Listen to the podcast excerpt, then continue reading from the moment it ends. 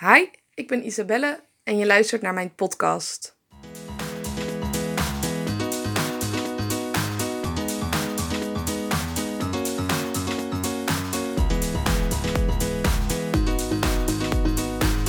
Goedemorgen. Ik eh, zit nu in de auto en ik ben onderweg naar mijn ouders. En ik heb een confronterende vraag voor jullie. En ik wil je vragen om daar serieus even over na te denken. En eh, misschien hoor je achter in de auto wat dingen rammelen van eh, spullen. Ik ben gisteren naar de IKEA geweest. En de hele auto is nog volgeladen. Ehm, maar de vraag die ik voor jullie heb is: wat zou je doen als je nog een jaar te leven zou hebben? En we leven helemaal niet op die manier, want we kijken heel erg ver vooruit. En uh, willen bepaalde doelen bereiken. En als we bepaalde doelen hebben bereikt, dan, hè, dan kunnen we gelukkig zijn. Of dan kunnen we ons goed over onszelf voelen. Maar als je die deadline zou hebben, wat zou je dan doen als je nog een jaar had? Welke dingen zijn er voor jou nu echt belangrijk en waar zou je dan je tijd aan willen besteden? En dan kun je misschien zeggen van, hè, nee ja, ik heb wel bepaalde dingen waar ik mijn tijd meer aan zou willen besteden, maar dat gaat, gaat echt niet. En dat is ook een bepaalde overtuiging die je hebt. Um, want mijn zusje die zat in Australië, Tasmanië om uh, precies te zijn. En ze zou daar voor een half jaar zijn. Ze zou daar drie maanden gaan studeren. Ze had er al spullen. Uh, op een gegeven moment hè, nieuwe kennissen, contacten gemaakt. En ik belde haar vorige week op. En toen zei kan je een ticket naar huis boeken? Want mama gaat dood.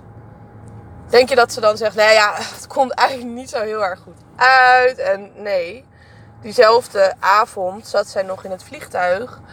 En uh, 30 uur later, en dat was het snelst mogelijk, was zij thuis. En dan kom je niet met allemaal bullshit excuses. Dus als jij echt nog uh, een jaar te leven zou hebben, wat zou je dan echt gaan doen? Wat zou voor jou belangrijk zijn en wat zou voor jou dan een verschil maken? Dat je zegt van hé, dat jaar dat heb ik dusdanig geleefd dat het, dat het oké is. En wat zou je doen als je nog een maand zou hebben? Een maand is toch wel echt een stuk korter. Dat je veel beter kan zien van wat is nou wat is belangrijk? Wat is hoofdzaak en wat is bijzaak? Op het moment dat je nog een maand hebt, ik zou persoonlijk dan stoppen met werken. Dat, uh, ook al vind ik mijn werk nu leuk, ik zou ermee stoppen en alles gaan doen wat ik zou willen doen. Maar als ik nog een jaar zou hebben, zou ik waarschijnlijk nog wel doorgaan met werken. Juist om die tijd wat op te vullen. Dus dit is eigenlijk een hele andere vraag.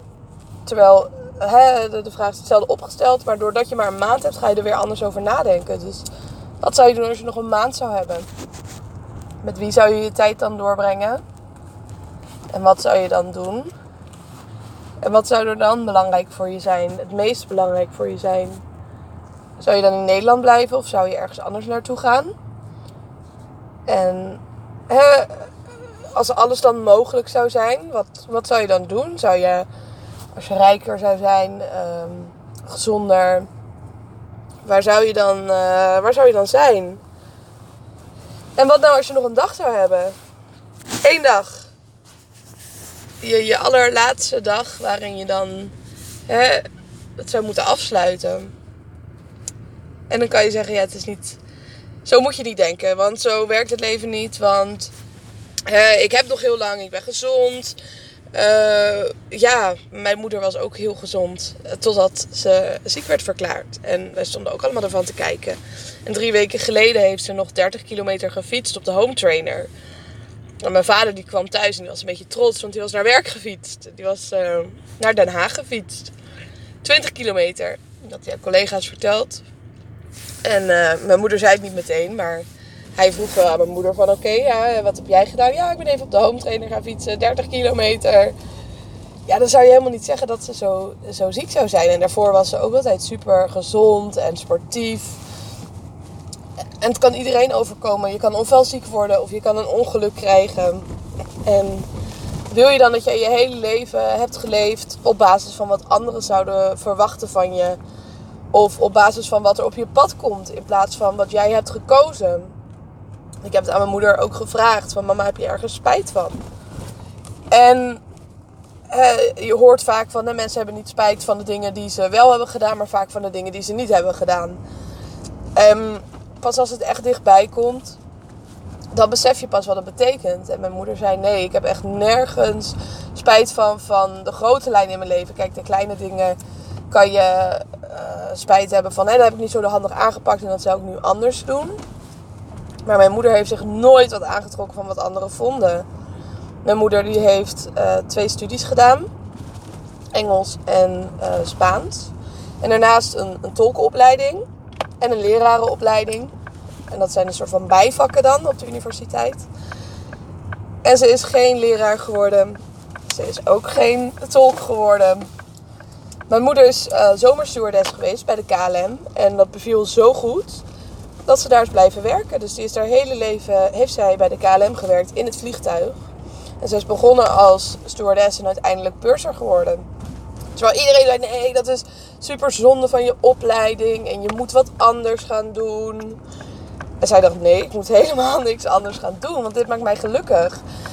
En toen kreeg ze kinderen en toen is ze ook gewoon door blijven werken. En ze is ook niet meteen minder gaan werken. Ze heeft het gewoon geregeld, zodat zij haar leven had en zelf gelukkig kon zijn.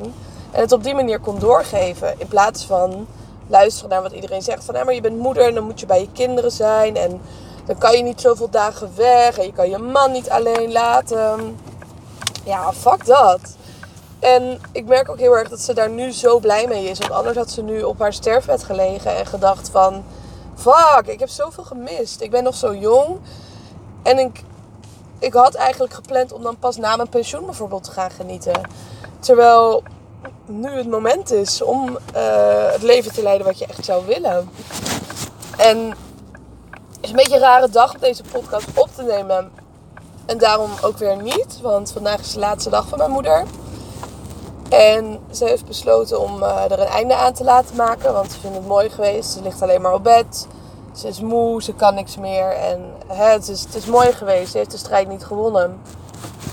Maar ze heeft zo hard gestreden. En naast het, het strijden voor de ziekte heeft ze gewoon haar hele leven ook gestreden om, er, om haar eigen geluk te kunnen hebben. Om haar eigen leven op de rit te krijgen. Om alles te krijgen wat zij zou willen, wat haar gelukkig zou maken. En mijn moeder was niet iemand die miljonair wilde worden.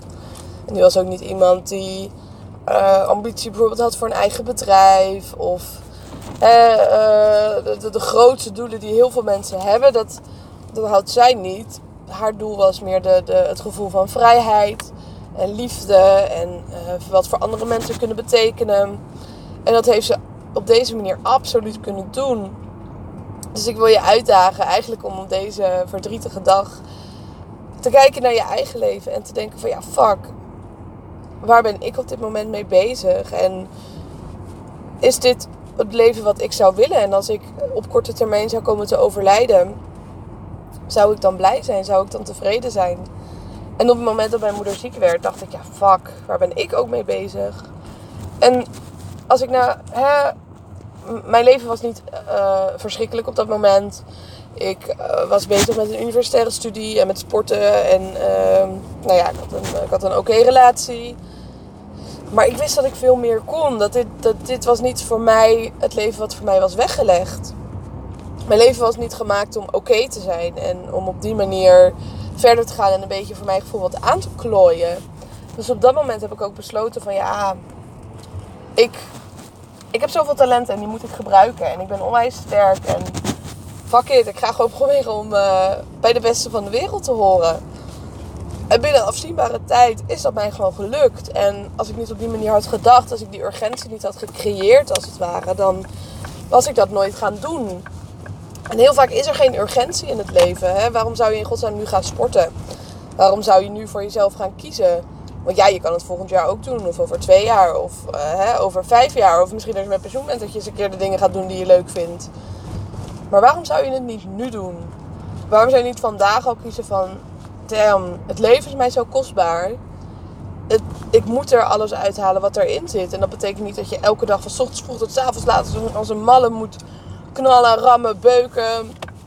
Daar ben ik ook tegenaan gelopen. Dat gaat je ook niet veel verder brengen. Maar met alles eruit halen wat erin zit, betekent wel dat je uh, iets met je tijd gaat doen.